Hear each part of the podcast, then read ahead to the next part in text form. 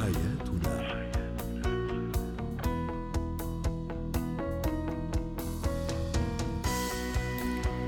نجدد التحية لكل مستمعينا ومستمعاتنا. أنتم تستمعون لحياتنا برنامجكم اليومي الذي يعنى بشؤون الأسرة وباقي الشؤون الحياتية الأخرى والذي يمكنكم أيضا الاستماع إليه عبر منصة بودكاست سكاي نيوز عربيا. معي أنا أمال شابة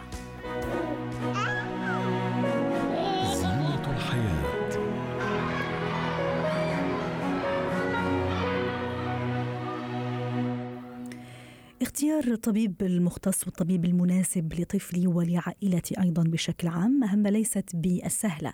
نتعرف اليوم على كيفية اختيار هذا الطبيب المناسب. للحديث عن هذا الموضوع ينضم إلينا عبر الهاتف من دبي دكتور بسام درويش المستشار في الإعلام الصحي. يسعد مساك دكتور بسام. إذا ما اخترت طبيب أو أود اختيار طبيب لطفلي ولعائلتي أيضا بحسب تخصص معين، ما هي الشروط التي أضعها بعين الاعتبار؟ كيف أصل لهذا الطبيب المتمكن. آه، وخلينا نبدأ بطبيب الأطفال مدام فقرتنا اليوم عن الطفل ثم نتوسع للحديث عن العائلة. نعم. بداية مساء الخير وأتمنى أن تكون سنة خير على الجميع وأشكرك على الاستضافة وعلى حسن اختيارك لهذا الموضوع الهام لكل فرد من أفراد المجتمع سواء كان يتعلق بالطفل أم بالأفراد الأسرة أم حتى بالأمور الأخرى المتعلقة بالصحة بشكل عام. الاختيار يبنى بشكل أساسي على أن أبحث على الطبيب القريب مني شخصيا من كل النواحي من الناحية الاجتماعية من الناحية النفسية. من الذي يفهمني تماما وليس فقط القريب جغرافيا. رغم أهمية المكان الجغرافي أو البعد الجغرافي لكن هناك حقيقة عدد من الشروط أو القواعد التي يمكن لكل واحد منا أن يستخدمها في عملية البحث عن الطبيب. بداية يفضل أن يكون الطبيب قريب من مكان سكني بحيث لو احتجت في أي لحظة من اللحظات أن لا أستغرق وقتا لأن أصل إلى هذا الطبيب. هذا من ناحية. الأمر الآخر يفضل أن يكون الطبيب يتحدث بلغتي ويفهم عاداتي وتقاليدي باعتبار بأن معظم الحالات المرضية التي نعاني منها في دولة الإمارات العربية المتحدة في منطقتنا العربية بشكل عام ترتبط بنمط الحياة وترتبط أيضا بالعامل النفسي الذي يعتبر عامل من عوامل الخطر الذي يؤدي لحديث لحدوث الكثير من الاضطرابات الجسدية النفسية المنشأ أو الاضطرابات النفسية الجسدية المنشأ فإذا العادات والتقاليد اللغة التي يفهمها. الأمر الثالث سهولة التواصل مع الطبيب. هل هذا الطبيب يمكن أن أتواصل معه في أي وقت؟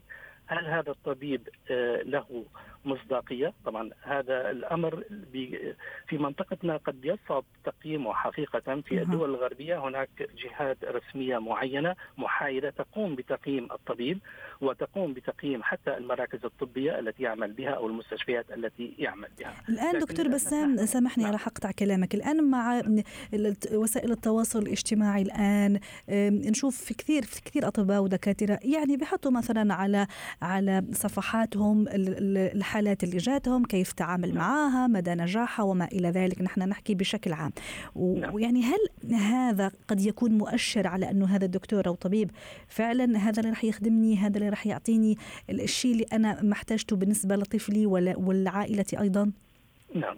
آه هذا هذه النقطة اللي كنت حابب بصراحة أضيفها وأتكلم عنها لأنه للأسف تستخدم وسائل التواصل الاجتماعي في منطقتنا لتقييم الأطباء بطريقة خاطئة.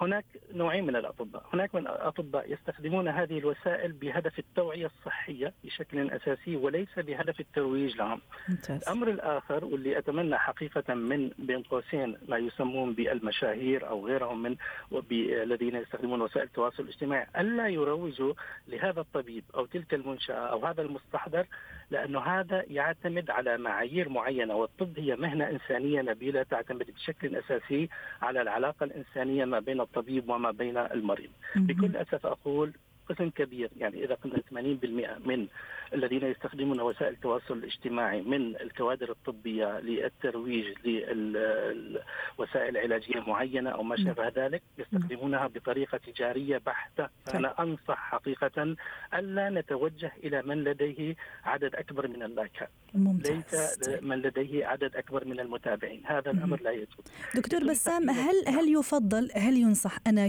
كأم كأب أيضا كشخص شخص مسؤول عن عائلة هل ينصح أني أبحث عن معلومات عن هذا الدكتور أين درس؟ وين أكمل دراسته؟ شهاداته؟ الزمالة مثلا في أي board مثلا؟ نشوف الزمالة ال board الأمريكي في ال board الأمريكي الألماني نعم. فهل هذه أيضا معايير يعني أو مؤشر على أنه هذا الدكتور فعلا قد يعني دكتور هو هو الصح هو الأصح نعم. لمشكلتي؟ طيب هلا رح جاوبك بطريقة أخرى على سؤالك. آه، لدينا ما يسمى بالمرض ولدينا مصطلح آخر يسمى بالحالة المرضية. بمعنى لدي شخص يعاني من ارتفاع في ضغط الدم على سبيل المثال فهذا مرض. نفس الشخص لديه ارتفاع في ضغط الدم. هناك طبيب من يتعامل مع المرض فقط بحد ذاته ما بيفهم المريض. هناك طبيب آخر يعطي المريض حقه في الاستماع للمريض لكل آهاته لكل ما يتعلق بحياته الاجتماعية بحالته المادية آه، طبيعة عمله هل المشكلة تتعلق هذا الارتفاع لنفترض ارتفاع ضغط الدم هل هو نعم. منشأه بسبب مشكلة عضوية أم نعم. مشكلة نفسية أم مشكلة لها علاقة بالعمل؟ كثير من الحالات المرضية حقيقة والتي يعني حتى أشخاص يتواصلون معي. من خلال الحوار الفعال أقول الحوار الفعال ما بين الطبيب والمريض آه، والتواصل الفعال الذي يبني الجسر الحقيقي لفهم المريض وحالته المرضية. الحالة هي كل ما يتعلق بالجانب النفسي والجانب الاجتماعي والجانب الاقتصادي حتى أفهم المريض. إن لم أفهم حالة المريض حقيقة حتى لو كان معي ليس board أمريكي ولا board ألماني يعني ولا فرنسي ولا عربي ولا لا. يجب أن يكون الطبيب حكيما ممتاز. ان يتقرب من المريض أن يعطيه حقه في الاستماع. لا يقاطع أي طبيب. نصيحة أي طبيب فضل. يقاطع المريض فليبتعد عنه هذا المريض ويبحث يقاطع بأي معنى دكتور بسام؟ ما بدي شبه يعني بمعنى آه المريض عادة يدخل وهو لديه قلق صح؟ صحيح. لديه مشكلة حتى لو كان صداع بسيط. لكن يعتقد بأن هذا الصداع هو بمثابة مرض خطير جدا. فهو يبحث عن كلمات مطمئنة عن حلول أه. توفر له الراحة قبل أن يعطيه الدواء أو يص أو يحوله إلى غرفة العمليات. جميل، طيب. المريض بحاجة إلى كلمة مطمئنة.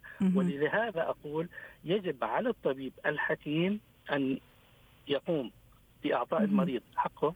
ويشرح بالتفاصيل المملة. طيب. وهذا جانب مهم لأنه في عندنا مبدأ أساسي في الطب لتشخيص وفهم حالة المريض.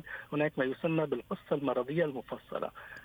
تتراوح بين 20 إلى 30 دقيقة قد تصل إلى 40 دقيقة قبل أن يقوم الطبيب بفحص المريض بالسماعة أو بوسائل تشخيصية أخرى يستخدمها. طيب دكتور بسام أيضا حتى نختم يعني نعم. السؤال الأخير وما قبل الأخير أحيانا الدكتور لما مثلا أحاول أتواصل مع سين من الدكاترة دائما مشغول fully booked يعني ما عندوش مواعيد قريبة أيضا بالنسبة للتكلفة تكون شوية غالية هل هذا أيضا معيار أنه هذا الدكتور قد يكون يعني شاطر بين قوسين دكتور جيد نعم. ولا مش مش ضروري لا مش بالضرورة بالعكس أنا أحتاج أنا حتى يعني حينما أختار طبيب يجب أن أختار مم. الطبيب الذي يلبيني حال الضرورة مثل الإسعاف، الإسعاف على مدار 24 ساعة حتى لو كان الشخص في أي في أي منطقة يلبوه حتى لو كانت المسافة تبعد عشرات الكيلومترات بهذه الطريقة. جميل. فأنا صح. أحتاج إلى طبيب بين قوسين حكيم يفهم المريض يلبي المريض يتواصل معه بالطريقة. يعني بمعنى أنا أنصح كل إذا كان معي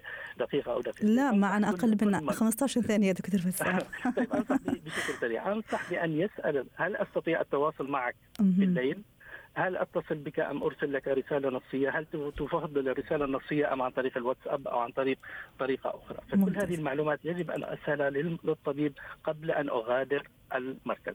شكرا في كثير من الاحيان في كثير من الأحيان ندخل ولدي خمسة أسئلة أخرج من غرفة الطبيب ولدي عشرات الأسئلة فهذا ما لا اتمناه حقيقة. شكرا لك دكتور بسام درويش المستشار في الإعلام الصحي فعلا إحنا كمان عندنا أسئلة كثيرة بس الوقت ما سعفنا يعطيك العافية كنت معنا من دبي.